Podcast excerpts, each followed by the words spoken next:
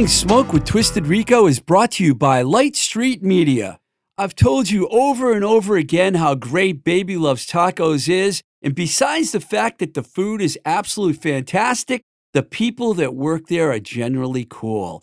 They have two wonderful locations in Pittsburgh, the main hub located at 4508 Liberty Avenue in the Bloomfield section of town, and their second location, Baby Loves Tacos, Oakland, located right smack in the middle of the University of Pittsburgh campus. Every college kid needs a burrito or at least two or three tacos a day to help them study, right? If you like Mexican cuisine, Baby Loves Tacos is the place to eat. For daily updates on what's happening with the Baby Loves family, head over to their Instagram pages at Baby Loves Tacos Bloomfield and at Baby Loves Tacos Oakland. Or if you're anywhere near Pittsburgh, stop by Baby Loves Tacos, tell them Twisted Rico sent you. Baby Loves Tacos, where everybody eats.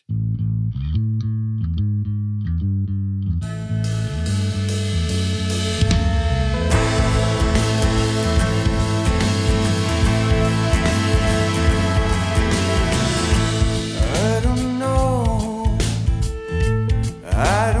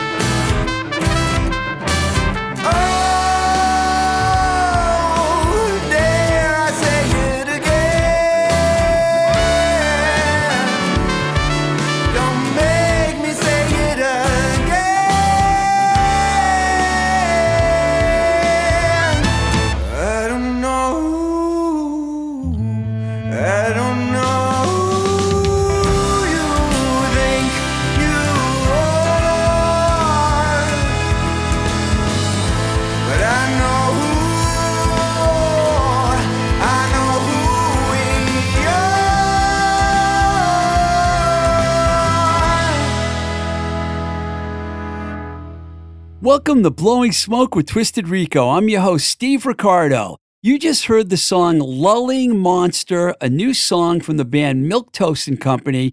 And yes, that's right, our good friend James McAndrew is back for a return engagement on the show this week, and we're definitely very excited about this. I also have to make mention, due to, the, to an agreement I have with James' company, Light Street Media, that the song that you heard at the beginning of the show and the end is actually a Milk Toast and Company song, Cigarette Burns, which he wrote and recorded.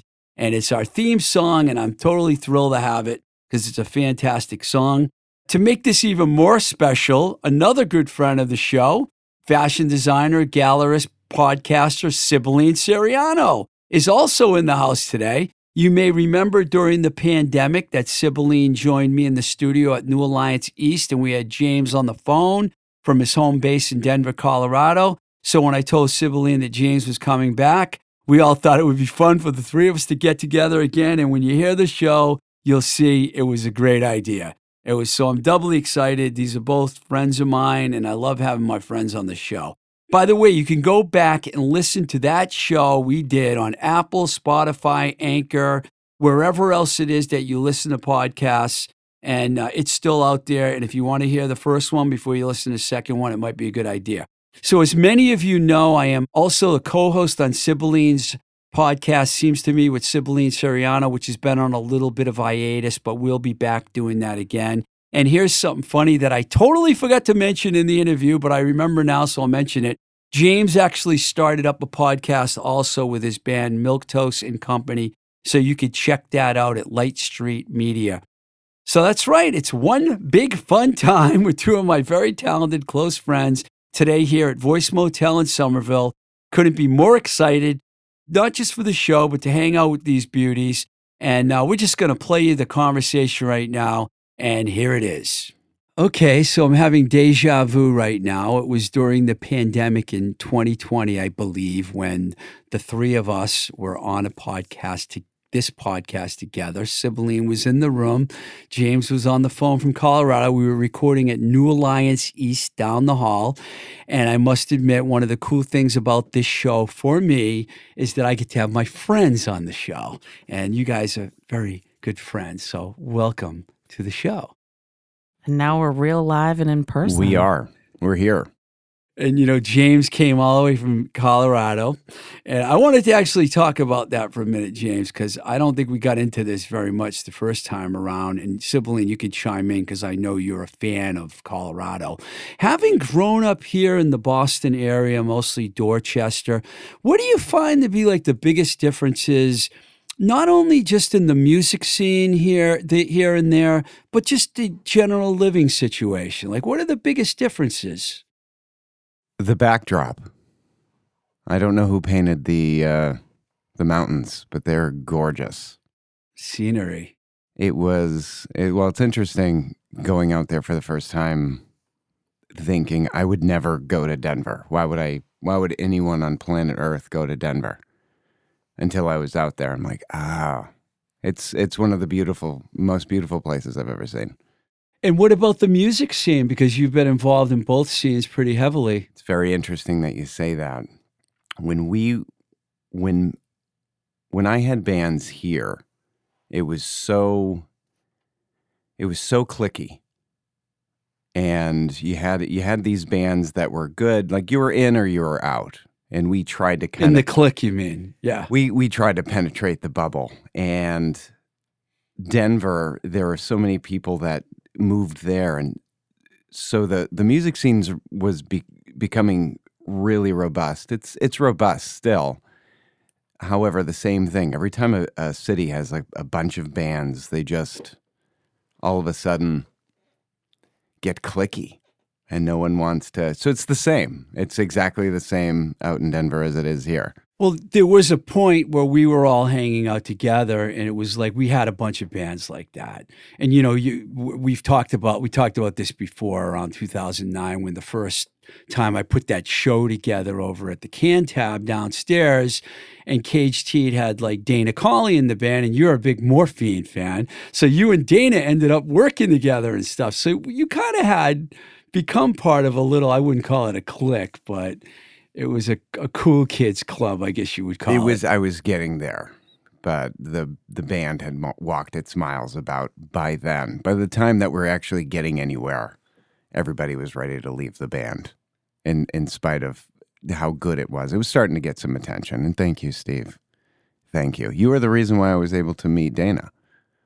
So, and then developed a friendship with him, and uh, that was Well, nothing really makes more sense because when people always ask me, and I mention this in a minute, what does milk toast sound like? Because you guys are so unique. I always say the closest thing I can come up with is, you know, they do have a morphine thing, but James kind of has a Mark Sandman meets Thom Yorke. I know I know there's people out there that know I'm not the biggest Radiohead fan in the world. So, but I do think that Thom Yorke is a really good singer, and I think that if you smash Sandman and Yorke together, you come up with the great James McAndrew. who can actually sing for real. No, no, no offense to Thom Yorke.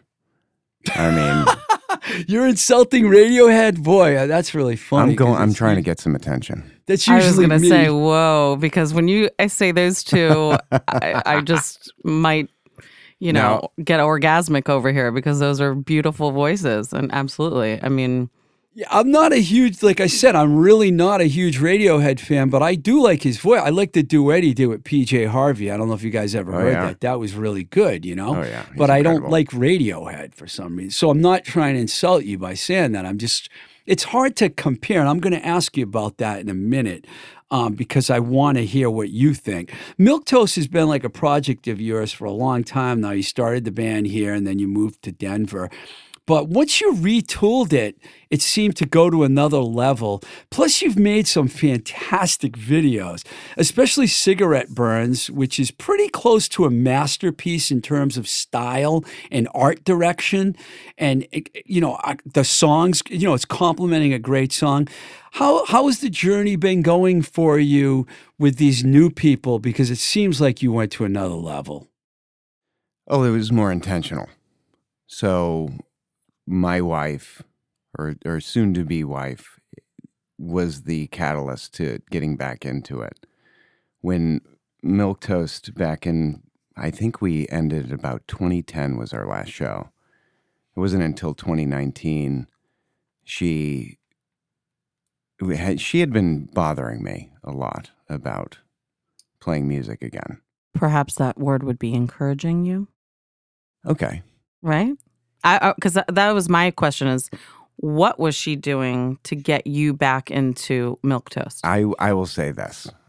She is the most supportive human on Huge. earth as far as that was concerned because I well I I looked at it as as uh I just never wanted to do that again. I had I was so burnt out at the end of that. And plus I was uh, you know uh, right around 30 at that point going what the hell am I doing with my life? It wasn't until she got into that and she just sat there and said, "You know, we're fine. You should probably do this again." So I'm I'm downplaying her involvement in this a lot. She's been incredible. She's she was the entire reason why I even wanted to do this again. Which not to downplay the reluctance on my end just because like all right, so I'm going to get a whole group of other individuals to get involved with the band. Burnout is a thing. I mean, especially in I your needed a passion. break. Absolutely. hmm I needed and you a know, break. and you know, uh, the original question was about, and you know, I, you, your answer is great about the people that you found because you found this great mix of music. I don't know how the hell you did it. crazy. I have no idea how I. It's the guys on top of that are actual friends. These are we spend time outside of the rehearsal space, outside of the studio, outside of shows. I think that's the magic too. It's the synergy. Mhm. As much as Synergy, mm. I hate the word, but it's it's it's extremely appropriate. There, the synergy was there. They sat, they listened to the music. I said, "All right, so I did this about ten years ago. Do you want to learn some of this stuff?" And I'm interested. I'm going to take this on the road. I'm going to take this show is I have resources, and it was it's it was it's a different setup when we were doing it in the mid to to late twenty. I don't even know how to say that now. 2010s between 05 It was and before 0 the. Tw- yeah, I don't know how to co- how to say that either. Gee, the two The 2000s. I feel The- like people say aughts. Is that what it is? Is that the O's? I don't don't- know. Anyway, I don't even know. But one thing, the personalities of the guys really came out in the videos too. Absolutely. Extremely funny guys. And and getting back to that point about the art direction and all that, I mean, is was this all in your head? little only the wardrobe, which I know that you're going to appreciate. Only the wardrobe and the place. So the suits, Yeah. because you guys all I knew exactly what I wanted us to look like. I wanted us to look ridiculous, and I and I I rented this. This is a really funny story about that whole video. But it was Cassie Maya, who's out of L.A. and Wyoming, which is interesting. She she directed us that whole video. She just said, "Get into a closet, go go dance, go do this, go do that." I We- even love the table scene. I mean, the table scene with the fish. Yeah, yeah. You Yeah. got to see this thing. It's Yeah, so it's- dry. A and lot of people have watched it. It's a popular video, man. If, if you haven't checked it out yet, it's Cigarette Burns. It's on YouTube, and I highly recommend it. We did talk about it in the la- last Yeah. podcast, and I did That's when it just tip my came hat out. big time to the style. I mean, because that was really That was my only vision. I Amazing. I, I brought the guys to to this place called Ted's Clothier. I don't mind giving them a, a plug. They're so Give as many plugs as you like. It's an old school uh, clothier. So this guy's owned it since I, I want to say the late seventies. I could be completely wrong, but he's owned this place for a while. And I he's think you told me you guys had to buy them, right? Or did you rent them? No, we bought them. You it's, bought 'em, It's now part of the Yeah, wardrobe. We have a whole wardrobe. You need to wear that. You wear them on stage, correct? Like, Oh, yeah. do you do that? Yeah, Oh, that's yeah. the look. Dude, you don't That's- know how love much it. I love bands that have an, an image like that. I Uh-huh. can't stand the fucking whole Pearl Jam t shirt and jean thing. You know, I like Pearl Jam, but I'm sick and tired of that look. I like bands that have costumes and outfits and actually make a point to look cool, like 70s bands. We've talked about this many times in yeah. our podcast, Yeah, and 70s Absolutely, bands were so cool. important. You know, they fucking, the 80s is what ruined it. Indie rock came along like, oh, fuck it, we don't have to dress up. You We'll got to dress for the job you want. Yeah, you know, and now it, it used to be cool when you saw rock stars with tattoos, and now every fucking buddy has a tattoo. You know what I mean? It's like you can't. You see some people walking down the street. You could have been a rock star 30 years ago, but now it's just you know the the local guy from down you know down the street. you Which know? is interesting. I was just offered a neck tattoo for like twenty dollars, so I didn't. I didn't get it done. don't get a neck oh tattoo. God, I I loathe them. Do you have any tattoos? I have one tattoo. I have one singular tattoo on your arm or No, something? I on my- remember you. Oh yes, I remember that tattoo. Yeah, that's a good one though. It's subtle, and what does it mean? It's like a little rec. It was. Di- uh, what would It's you a call trinity. that shape? Trinity. It's a, well. It's a Celtic knot. Trinity, goofy ass Western Mass. It looks like you've had Nick it for Andrew. a while. in in lieu of I was going to get m- my first wife and I were going to get tattoos on our fingers, Oh. and a guy or our nicknames, and so we were out there in I have no idea what's Amherst. I think we were- Northampton, Northampton. Amherst. Oh, I love it. it was. Northampton. Yeah, it's I was not cool enough to hang out there back then. I just wasn't. Dude, it is like one of the coolest places out around there. now, man. Love it. out totally there. cool. I go there all the time. I was not prog enough for for that area. So, but this guy goes, "Listen, I'll uh, I'll give you any tattoo that you want, but I won't do names." And he proceeded to take up all of his. All, uh, he put like his pant leg. He had like thirteen, like Barbara and Jenny Oh, and all over. He's like, "I just won't do it." And I won't do the ring thing. And we were really upset. So we went across the street to some other the equivalent of going across the street to some other tattoo place and we just picked this thing off the wall. So we just got matching tattoos on the same place. That was it. So this was a Waller. This wasn't even And how old were you? 23. wow. I was going to be married forever. Yeah, weren't I we was all? very in love, right? Like we are, like we get there. Luckily, I've never been married. Otherwise, I probably would have said I've been divorced a few times by now. It's tough. It's it's a tough job. I'm going to move It's along here because I have a lot to talk to you about, Yeah. James. Uh, as far as the songwriting goes, you have a very unique style of writing. It's hard to di- to actually describe, and I started to mention that before. You mix a lot of instrumentation and your singing style, like I mentioned, it's you know a cross between Sandman and, and Thom Yorke thrown in there. And I know you've collaborated with Dana, as we just talked about.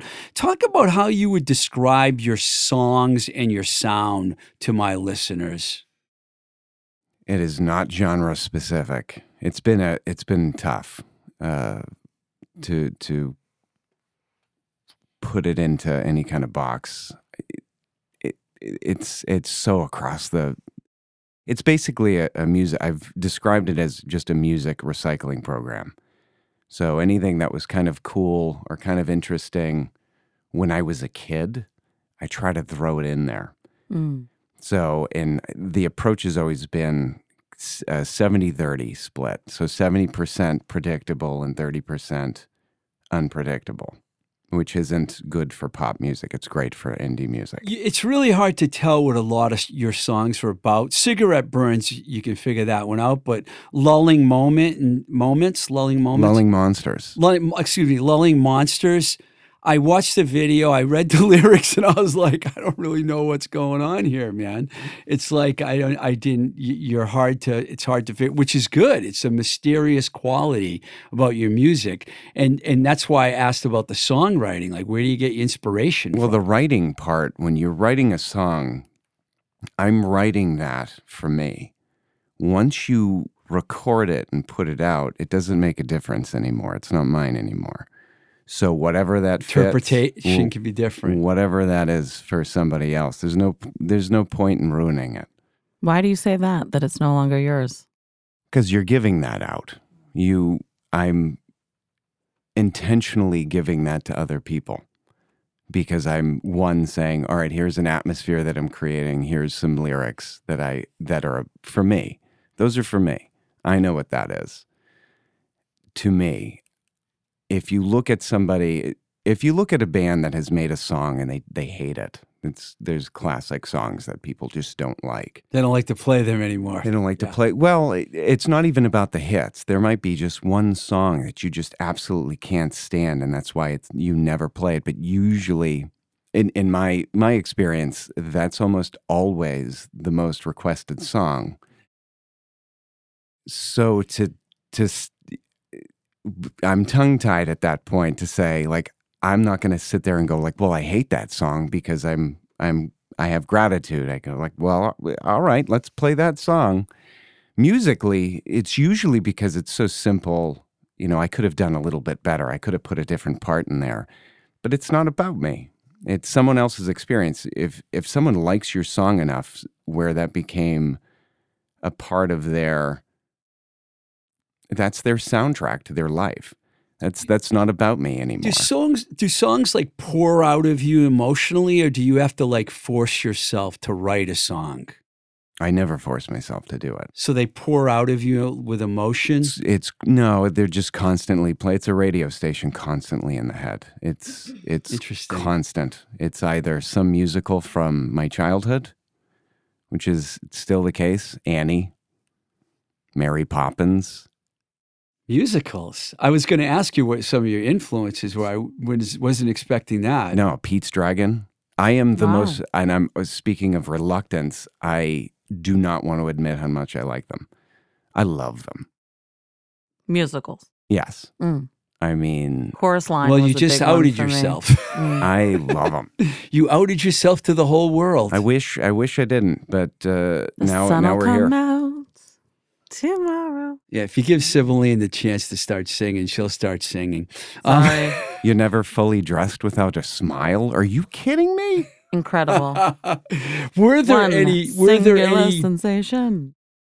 There we go. Were there any bands or songwriters that you actually can look back to from your childhood? Because I know that you're like, age is not important, but I imagine you're you were a product of like the eight- 80s or 90s when you were really young. You know, Yeah, yeah, definitely the early '90s. Well, no, definitely the both, both of those things. I were there any people? I mean, it's obvious you must have liked morphine, and we keep mentioning that, but it's hard. not not until way later. I was behind the curve. In '99, I graduated, and that's when Mark passed. I didn't know uh, I didn't know morphine then. I knew kids in high school that would go to You graduated college? graduated high school in 99. High school. Wow. That's So that's what happened. I met James actually. We talked about this last time. I met him when he was like 17 or something like that. I went to see wow, his you started really young, huh? Well, I yeah, I was about 16 years old when when we had our first band in high school. And God bless. What high school was that? Just for oh my God, they shipped me up to Georgetown, Massachusetts. Oh, Georgetown. my That's, like the neck of the North. Shore for people out there living in other places. That's north of Boston, close to New Hampshire. Yeah, I had to go way out there. I hated it. However, I have the the closest friends from that time. I'm still friends with. I boarding still, school, I assume? No, Oh. no, they had a public high school up Okay, there. so There's you like stayed a with somebody. graduating class of 99 kids. Yeah. Well, it's not a It's bad a small thing. school. That's well, good. I had to I had to wear a lot of hats. I had to be in a lot of different groups. I had Yeah. to be in the freak group and the jock group. So I did the and same. they yeah, they were taking they were taking people. They were taking members. They were taking members. And no one no one had the the no one was in the situation to say no. No one was in in But you also took a nine year hiatus from music. yeah. Absolutely. Wow. I was done. Okay. I was done. I, w- I was doing You have so much more in you. I, Don't I li- you? I like to think so. Yeah. I like to think so. Going back to the the influences, I was obsessed with Nirvana for sure. Didn't want to admit that, but I looked just like him, except I wasn't blonde. Interesting. So we had a, had the first band in high school. We named after a kid, Basoud, but we mispronounced his name Basood, so we named the band Basood. And th- that was that band. and you're the lead singer of that oh, band? oh yeah, Always. oh yeah. Mhm. I learned Okay. how to do a power chord. I learned a power chord in in high school, and I was off to the races. Yeah, your story on the last show was that, that there was a piano. I, I remember this at your sister's house or aunt's Grandmother. house or something. My aunt. Oh, aunt. and that yeah. that you it could barely fit in the place. Yeah. but you started playing it, but you eventually became a guitar player more. You still play keyboards though, I'm sure, right? I play well. I have I have a piano, and so and well, I have several of those opportunities. It's I'm mostly freaked out by like pump organs and stuff. I like that, but I don't play really. I don't write on it. I write on guitar, or it's just Yeah. the constant radio in in my head. But can you sit down on a piano and just play? Mhm. Or do you need sheet Oh, yeah. music in front of you? I can't read. that's incredible. I I, just can't think read. that's such a gift. I think the opposite is inc- is incredible. I can't. Oh, I would love to be able to play by ear. I was tra- taught classic, classical. I got kicked out of my first piano lessons because I was memorizing the music and not turning. I didn't know when to turn the page, so I wouldn't turn the page in the right spot. And this guy, he was actually a, uh, what's the music school right down the street here? Berklee? I can't believe. Yeah, Berklee so he's a Berklee. Side. Wow. He was down the street. It was this this German kid. I mean, he had to have been 23, 24 And he years was your old. teacher? He was my teacher eh, next to the Y, YMCA. Actually, I was living in Malden then. And how old are you at this point? I think I was about 11, Oh, wow. Okay. 11 or 12. Taking classes at Berklee. No, no, he was sorry. oh, he I was did- your tutor he was from the he, Berklee. he- Yeah, I'm terrible at speaking, by the way. He was a he was a teacher, and that's what he was doing for his side hustle. Gotcha. So he would go there, and he absolutely kicked me out of the. He's like, if you're not gonna remember, if you're not going to learn how to read music, instead of You cult- can't turn the page right. Get the fuck out of See, and this is what frustrates me about music teachers because I think it's so important. I was forced to learn how to read music and never got to play by ear and never got to just sit there and try to sound it out. And I think they're both so important as musician, you know, as a musician to learn those skills. it's rare. It's rare. Absolutely. when you're going back to kind of collecting musicians for a band hmm it's a it's a great balance it's good to have some it's good to have some ignorance it's good to have people that are trained and it's good to have the the instinct I think that's where you can get an incredible jam session, right? It's amazing when you have both of those things Right. cultivated. I can imagine that your band probably does a lot of jamming and stuff with all the instrumentation and all different players and everything. It must be fun being at one of your rehearsals. It it, it now they're so tight, so we're where we don't we don't play as much as we do. We don't jam as much as we once did. I was also never really into jamming. I had an idea and like let's stick with this idea. Let's well, there's let's make there's something to that happen. too. Let, Absolutely. let me just go back for a second here because you mentioned Nirvana. Were there any other bands from that era? Was it the whole grunge scene that was influencing you at that time? As a as a as a baby boy, well, of course, uh, ten. That album, Pearl Jam 10? I I mean, I knew all of that. That that album made me cry. But prior to that, my one of my sisters in particular loved music, so I was. She influenced me a lot. She influ- We recently did a cover of Kate Bush's "Army Dreamers." Like I was into I was going to talk about Kate that. Bush. Yeah. All right, I was into Kate Bush. I was into Neil Diamond, the Pixies. She introduced me to the Pixies. I didn't know who the Pixies were because the tape was a ripoff. She had just taped the oh, album, that's funny. and I had We used to do that Remember back then. that? Oh, totally. absolutely. I still have tapes. I I can't used let to them love go. mixtapes. You know? so I, I had Oh, no idea what was what. So it wasn't until high school with like the Nirvana obsession. So and that was up until like I met you and we had done this. We did a couple of I'm gonna put I guess in quotes some EPs, and the second EP I sent to you. That was in 1999. Okay, yeah, and you loved it. I did. You had another band on your collective that was also very Nirvana-ish. Roma. Roma. And let's just talk about this. You've just graduated high school, or you're about to graduate high school in 1999, and you're sending Steve an E EP. I don't know how the hell you found me to come think of it, I was I was a hustler. I Uh, was that's looking hustle. at it. I was That's looking hustle at right any, there. but I did go to see your band in Everett. I do remember that. Yeah. And I I don't think I've been to Everett since, by the way. Everett's a part of Boston I don't really go to a lot. Well, now there's a casino there. There is, so. There is. I have the land of milk believe. It's hard to say that. The land of milk believe and the in Kashmir the Great double vinyl EP. No one does that, by the way. I thought that was cool. It has some of the finest packaging. One of the records is blue, the other one's yellow. And the packaging also, uh, same with Shiny Little Mind vinyl um, EP. That's the one that contains cigarette burns. If you guys want to go to milktoastandcompany.com, that's where you can get these records.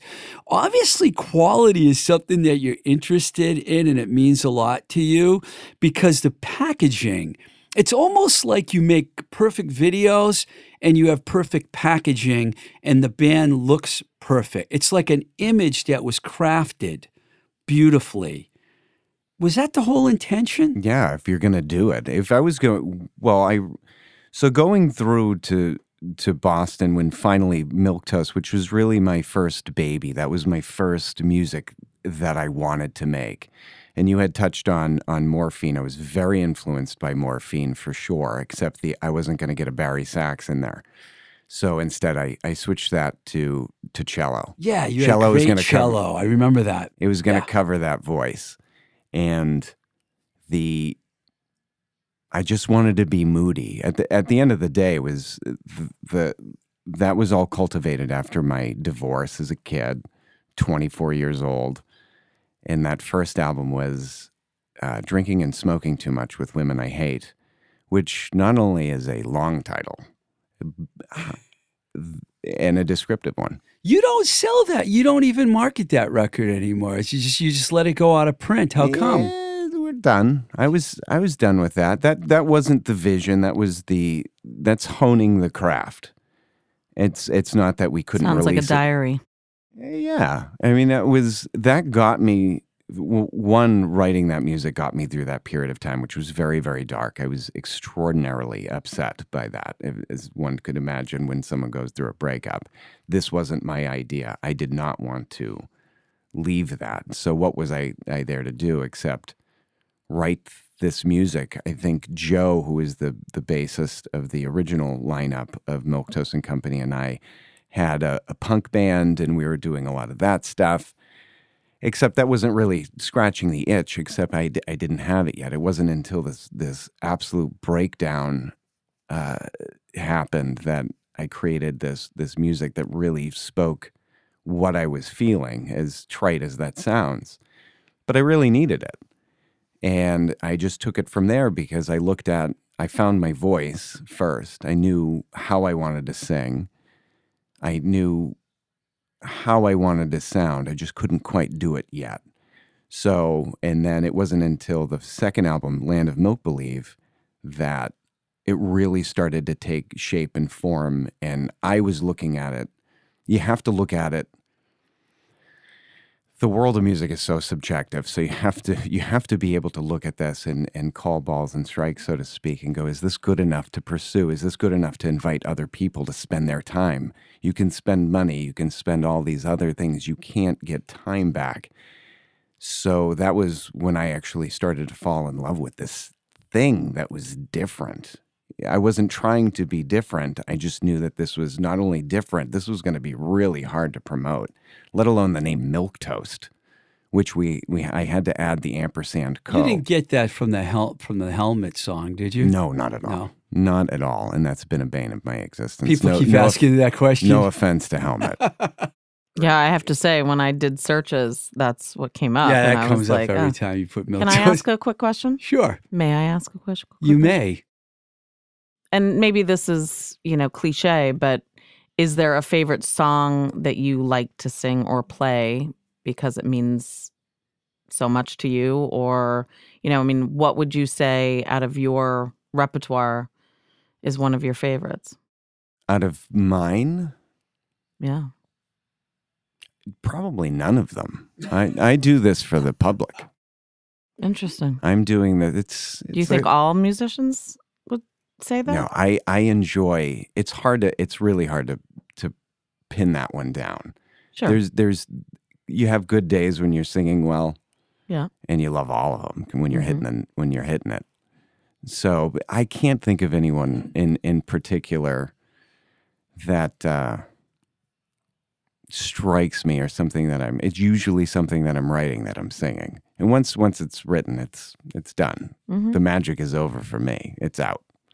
So not none of mine. However, if we go back to the musicals, huge fan of anything from Pete's Dragon these days.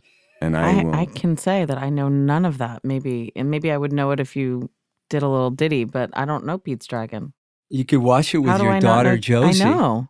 I'm like, you, you need to get in in on this. And anybody Oh. listening, you have to get in on the original Pete's Dragon. It is it'll change your life. I mean, we listen to like Puff the Magic Dragon, but I don't know. little piece, every little piece. Don't sing too much, otherwise BMI and ASCAP will, you know, be after me. Under 30 seconds, I think. I want to ask you a couple. There we go. I want to ask you a couple more things before we take a quick break. Can you talk about the song "Lulling Monsters"? I said it right that time because I watched that video, which I played earlier in the show. It's very ether. It has an ethereal vibe. I don't get to use that word very much. It means extremely delicate and light in a way that seems too perfect for this world. That last minute, especially the upbeat part in the song, is perfect, and the end, of course. That's a brilliant song. How in the world you come up with that? I have no idea. It's any anything that I have. So the the current lineup, Dan is the bass player. So anytime I have something, Did you co-write with him? I generally I generally write with him. I have the pieces. He just helps me glue them together. And what about the video with the bees and everything? I don't. I couldn't figure out the correlation. That's the, there is no correlation. There is a At least I'm not crazy because I I felt the same when I tried to figure it out. there's a kid that we had hired actually out of Ukraine who is doing our manager currently had hooked us hooked us up with this time lapse guy and he just took the he took the blurb of the song or how I thought what I thought of the song and what it was about which of course I don't god knows what it is and he just takes that and he just has a literal translation to everything. And See, I don't know why I thought that you could give me the me th- help me understand the meaning of the song because I was trying to figure that out and I couldn't. So you don't really know the meaning. well, of I the do. Song. Sure, sure, I do.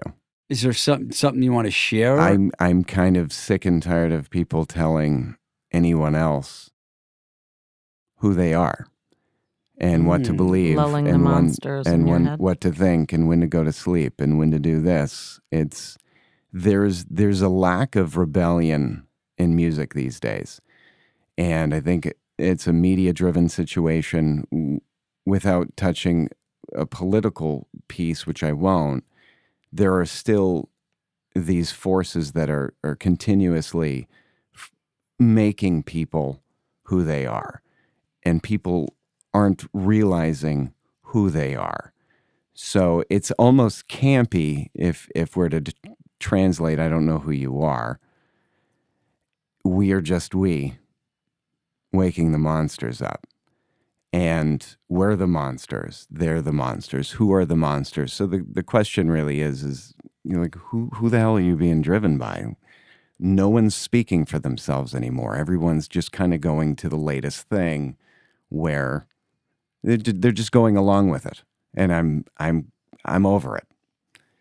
So and and no, that's a very good explanation. I wanted to also ask you about the Kate Bush cover because that's your new single that you just put out, Army Dreamers. You mentioned her, so you're a big fan, and Very. you just wanted to pay tribute, and that's why you chose that track. yeah, that song I I was in love with that song as, as a at a very young age, and it was the music itself that was so moving. It was creepy. It I didn't know what it what those instruments were. I I didn't have to. It, and it I don't know if you ever remember being a child and moved by a song to tears. It's, Oh, because it's so a priori because you don't know what the song is about but you're feeling the song that's the that's that's what was so moving it wasn't lyrically what it was saying it was what it was saying Isn't that what music is about? I mean, for for those of us that it moves, because there are people who don't feel this way about music, which is crazy because I've met them in my life. But I think that, I mean, I remember so, I have just stages of my life that songs are, you know, the chapters to. Absolutely. Prince for me. I mean, hundred Kate. Bush, that's the soundtrack to your life a hundred percent. Your timing with Kate Bush is very good, by the way, because you know Stranger Things made that Oh that. my God. so that's a good point that you bring that Yeah. up so we had actually Totally. recorded the song i want to say about a year and four months like about six, before 16 to Stranger 18 Things? months ago way before wow. way before even my 10 year old sings Kate Bush. Yeah. And like, it's crazy to me. They're all singing her. Yeah, that the whole running up Happy that for her. She actually is getting paid for something. All right, so hold on, you guys, and we'll be right back. You know how much I love vinyl and going to record stores. Well, my favorite stop these days is Joe's Albums. Joe has two fantastic locations the original store at 317 Main Street in Worcester, Mass., and their newer stop out in the hipster college town of Northampton at 5 Market Street. Both stores have a great new release section and huge assortment of used records. You want to check out some cool record stores? Check out Joe's Albums in Worcester and Northampton, Massachusetts. Okay, so we're back, and um, I wanted to ask you guys for your opinions on the Rock and Roll Hall of Fame class of 2022. That was one of the main reasons why I'm happy Sibylline is here because she's very opinionated on these things. Uh, it was Pat Benatar and Neil Giraldo, Duran Duran, Eminem, Eurythmics, Dolly Parton, Lionel Richie, Carly Simon, Judas Priest, Jimmy Jam, and Terry Lewis, who are like the produced, you know, they were in the time and they produced Janet Jackson. Is there any of those artists on there that you guys have any comments about in terms of this class? Because it's not, to me, one of the great classes in the Rock and Roll Hall of Fame. But, you know, Dolly Parton and Eurythmics, I mean, and Pat Benatar, I mean, it, it's kind of a famous class. You want to go first, Sibylline? What's your opinion on these? I have lots. Well, I think it's high time Dolly Parton landed that title. Kind of shocking that it hasn't happened until now, and would agree with James because he shared this with this opinion with me that Eminem in the same list as, and I'm sorry, I'm going to tip my hat to Carly Simon because that's a soundtrack of my youth, and Harry Belafonte, Pat Benatar, of course, Duran Duran, Time to Kill, Grace Jones. Like these are all the things that come to my mind as I think about these guys. Lionel Richie. And Lionel Richie, we haven't even saw, talked about Lionel Richie. he is a master. Yeah. At pop songs, he's always been a master. And how is school it that master. he's just getting on there in 2022? Especially since the Red Hot Chili Peppers and Radiohead are already in the Rock and Roll Hall of Fame. Sorry. So you know, just to get, I mean, I li- I I actually listened just because I wanted to talk to tip my hat for to him because Eminem, I do think deserves this credit at some point. Maybe not yet, certainly, but even the rap that he did on stage was, to me, pretty epic. I I haven't watched. and You've seen some of the highlights of Yeah. the show. See, I Mhm. haven't seen any of the Mhm. highlights because I know it's going to be on HBO in a couple. Yeah, weeks. nineteenth, November nineteenth, they're going to air it. But I will say, I mean, Eurythmics, like again, it just Annie There's- Lennox deserves every good thing that happens to her. She's a, she's a genius. I mean, talk about a video style genius. Like I think that any good musicians should look at her videos because a lot of her songs don't make sense to me either. Like I look, I listen to those lyrics and say, "What does this mean?" Yeah. And then the videos don't really clarify it Just figurative language exactly. all day. Exactly. Exactly. I think she's the queen of that, actually. Whereas Dolly Parton is so, you know, it's like you wear your heart on your sleeve. You know exactly what she's talking about. You either love her or you Still love her. love. You know what's uh, Love. what's interesting about this list when you look at all the list? I would think that the real elephant in the room, ex- excuse the expression, would be Dolly Parton. When I look at this list, I'm thinking she's. They're all great. I mean, She's but Dolly Parton is like she's almost like in a league of her own. You know what I mean? 100%. And she did a duet with Rob Halford for Judas Priest with Judas from Judas Priest. I, Just delicious. I can't even imagine what that's I going to didn't be see that, like. but I, need to can't- see I- that. I- wow. I mean, just that moment, like, would be like so. There was a lot of dichotomy between who played with who. It's pretty phenomenal. I mean, even Aerosmith comes out with, you know, Jay Z and and Eminem, and then Carly Simon and uh, Olivia Rodrigo. Olivia Rodrigo was there. You just Yeah. said that because you know I like her. She sings, Wow. or she introduced, or some. There's something. I can't wait to watch the whole show. I love. You know what? I've been bitching about the Rock and Roll Hall of Fame pretty much They forever. did it well. They did it well this year. I forever I have, but I do watch it every year. and I, you know, I'm happy when bands like it took Deep Purple and bands I love from my youth to take forever to get in. I mean, the fact that they put Guns N' Roses in before Deep Purple. So, what is the make no classification? How what? How do they run down 20 to figure this you out? have to be around for 25 years but think about this for a second steppenwolf i don't know if you know them they have a of course long I list know of hits they're not in the rock and roll hall of fame Okay. Warren Zevon's not in the Rock and Roll Hall of Fame. The Guess Who, I should laugh, but I cry because your love has passed me by. American Woman, they're not in the Rock and Roll Hall of Fame. wow. So they're a little fucked up the way they do things. I, I, am still confused as to who the panel is. Well, Jan Wenner from Rolling Stone's always been like the head dude. Ah, You know, the guy that never liked one Led Zeppelin record that came out. So oh, so oh, good qualifier.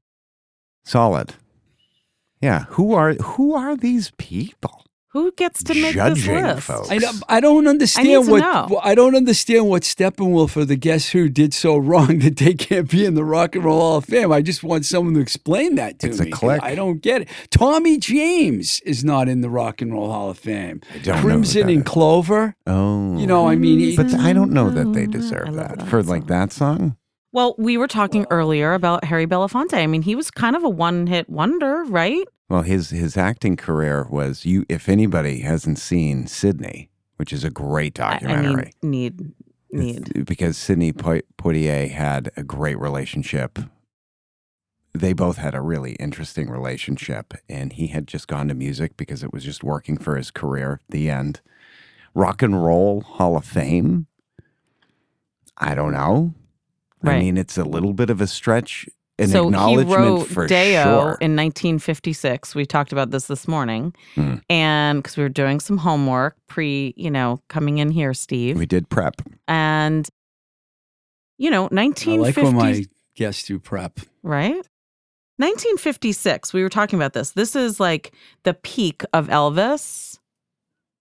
Let's talk about Elvis, baby. Yeah, you also got to mention. I, I, you know, I, I'm. I. This is the not. It is the right time to bring it up. Jerry Lee Lewis recently Yes. passed away, and he's the last of that whole crew.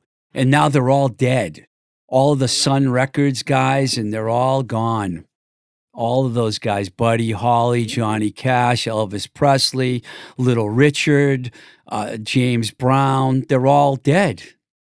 It's incredible. Jerry Lee Lewis was the end of the It's End of the interesting. My mother and I talked about this and how I guess he was a real piece of work.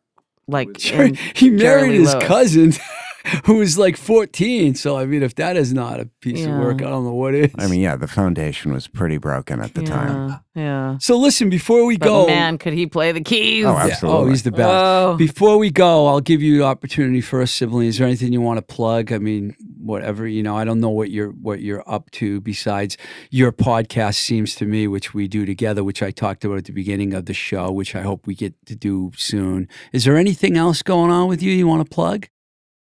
I have so much going on that it's not it's it'll take another hour. So, you know, it's all good. I'm I'm so excited to be here, part of this. I appreciate you know, being invited in here and I look forward to our lunch after this to get to know James better and I just sold my house last night. So Congratulations! it's a big deal and That starting is. a new job in a few weeks and I'm moving and starting over, really Love it. Nothing like, wrong with so starting much good coming my way. I can't wait. Good for you. And James, I know you have a gig in Fort Collins coming up. Actually, I have a battle of the bands. Whoa. You're in a battle That's of fun. the bands. hilarious with with bandwagon. This this group of uh, bandwagon. It's uh, Tony, Tony Mason actually has this. He's a talent buyer out there. So, So, this is Colorado. yeah. What's yeah. the venue? This one will be at uh, Black Buzzard on the 26th. And that's in Denver. It is in Denver. It's on Market Street in Denver. So we are going to have a band off with several other bands. Wow. which is super post post high school, super funny. Like I, Oh. I'm way post high school. I I- hope, I I hope there's a prize. fab. there, there's cash. Cash. However, the the real prize is is actually getting. In the meantime, I've I've gotten to know a lot of the other bands also doing that and kind of cultivating relationships within Denver and Denver musicians and just having a dialogue with them is is more important than a band. Where and I'm sorry to say, not sorry to say, we're gonna mop the floor. With Yeah, these yeah. Is there a yeah, date? Yeah, yeah. Yes, it's it's November 26th, which is the Saturday after, After thanks- Thanksgiving. yeah. Thanksgiving. I Well, do want to. Can I say one thing because that, about this Colorado Massachusetts thing that came up earlier, and also quality?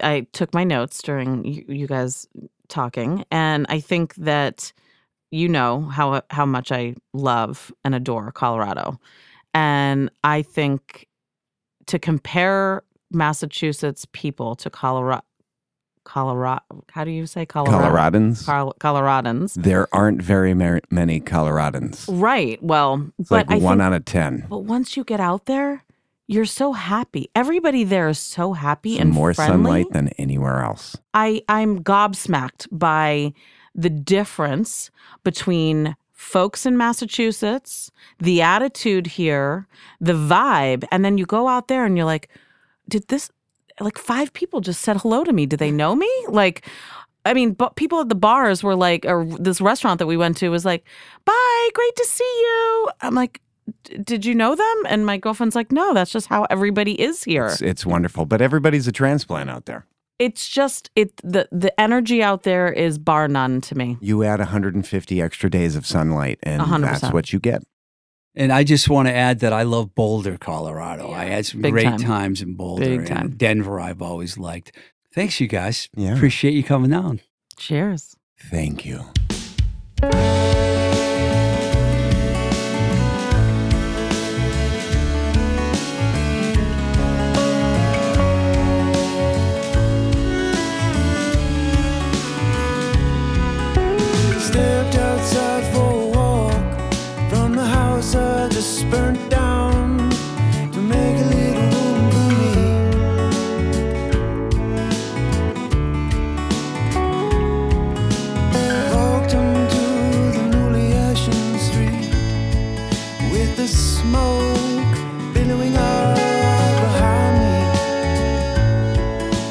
One finger stretched out, three pointing back at me.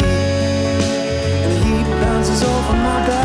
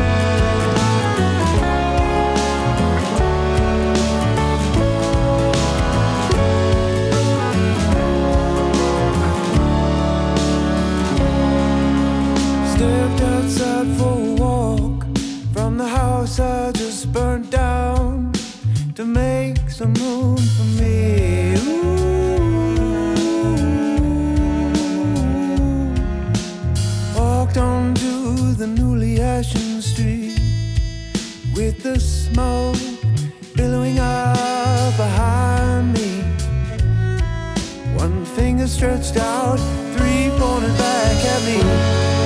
And the heat bounces off of my back.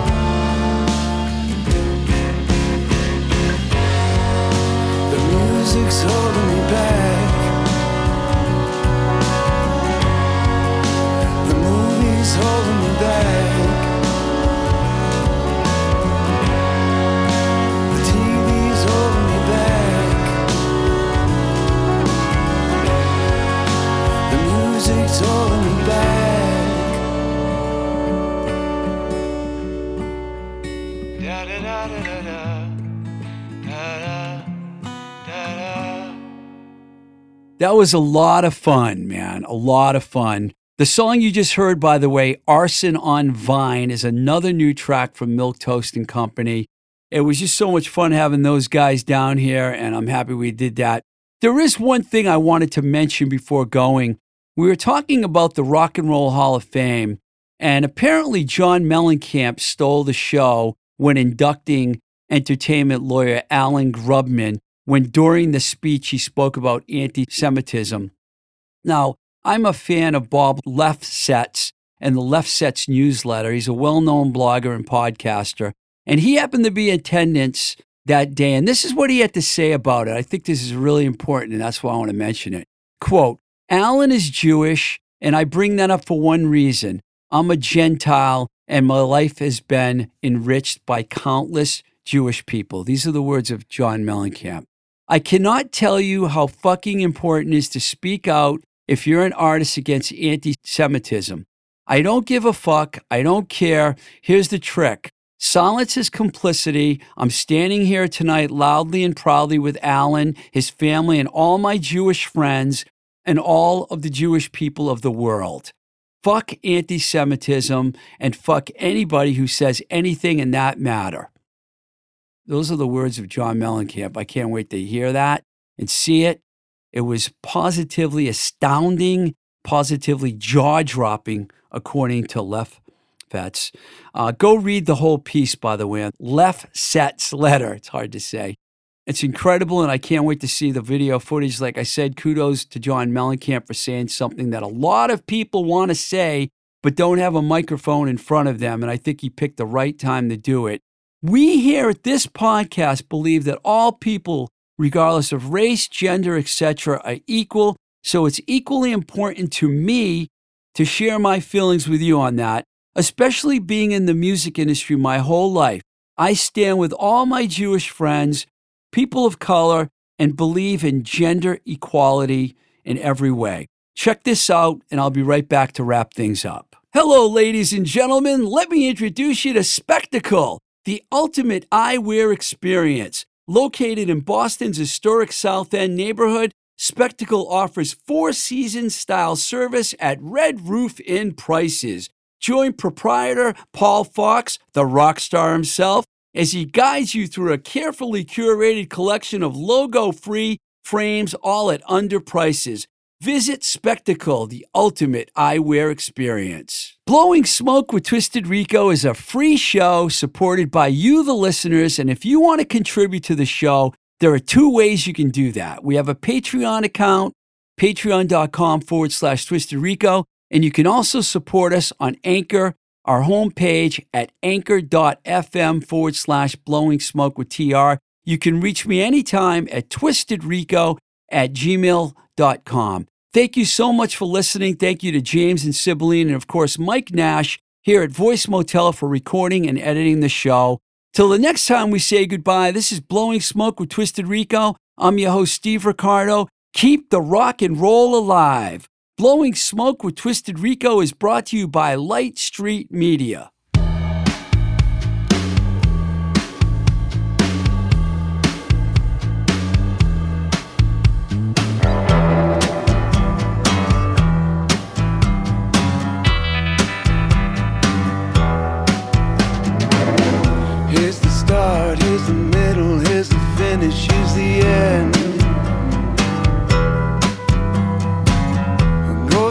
Mother, goes the father, goes the wife, stays the friend. Got a bunch of cigarette burns in the back of my head. Bunch of cigarette burns in the words I've said. If I die tonight, hold the hand inside and know that I was never meant for a normal life. Voice is recorded at Voice Motel, voicemotel.com, your complete podcast recording experience, located in Union Square, Somerville, Massachusetts.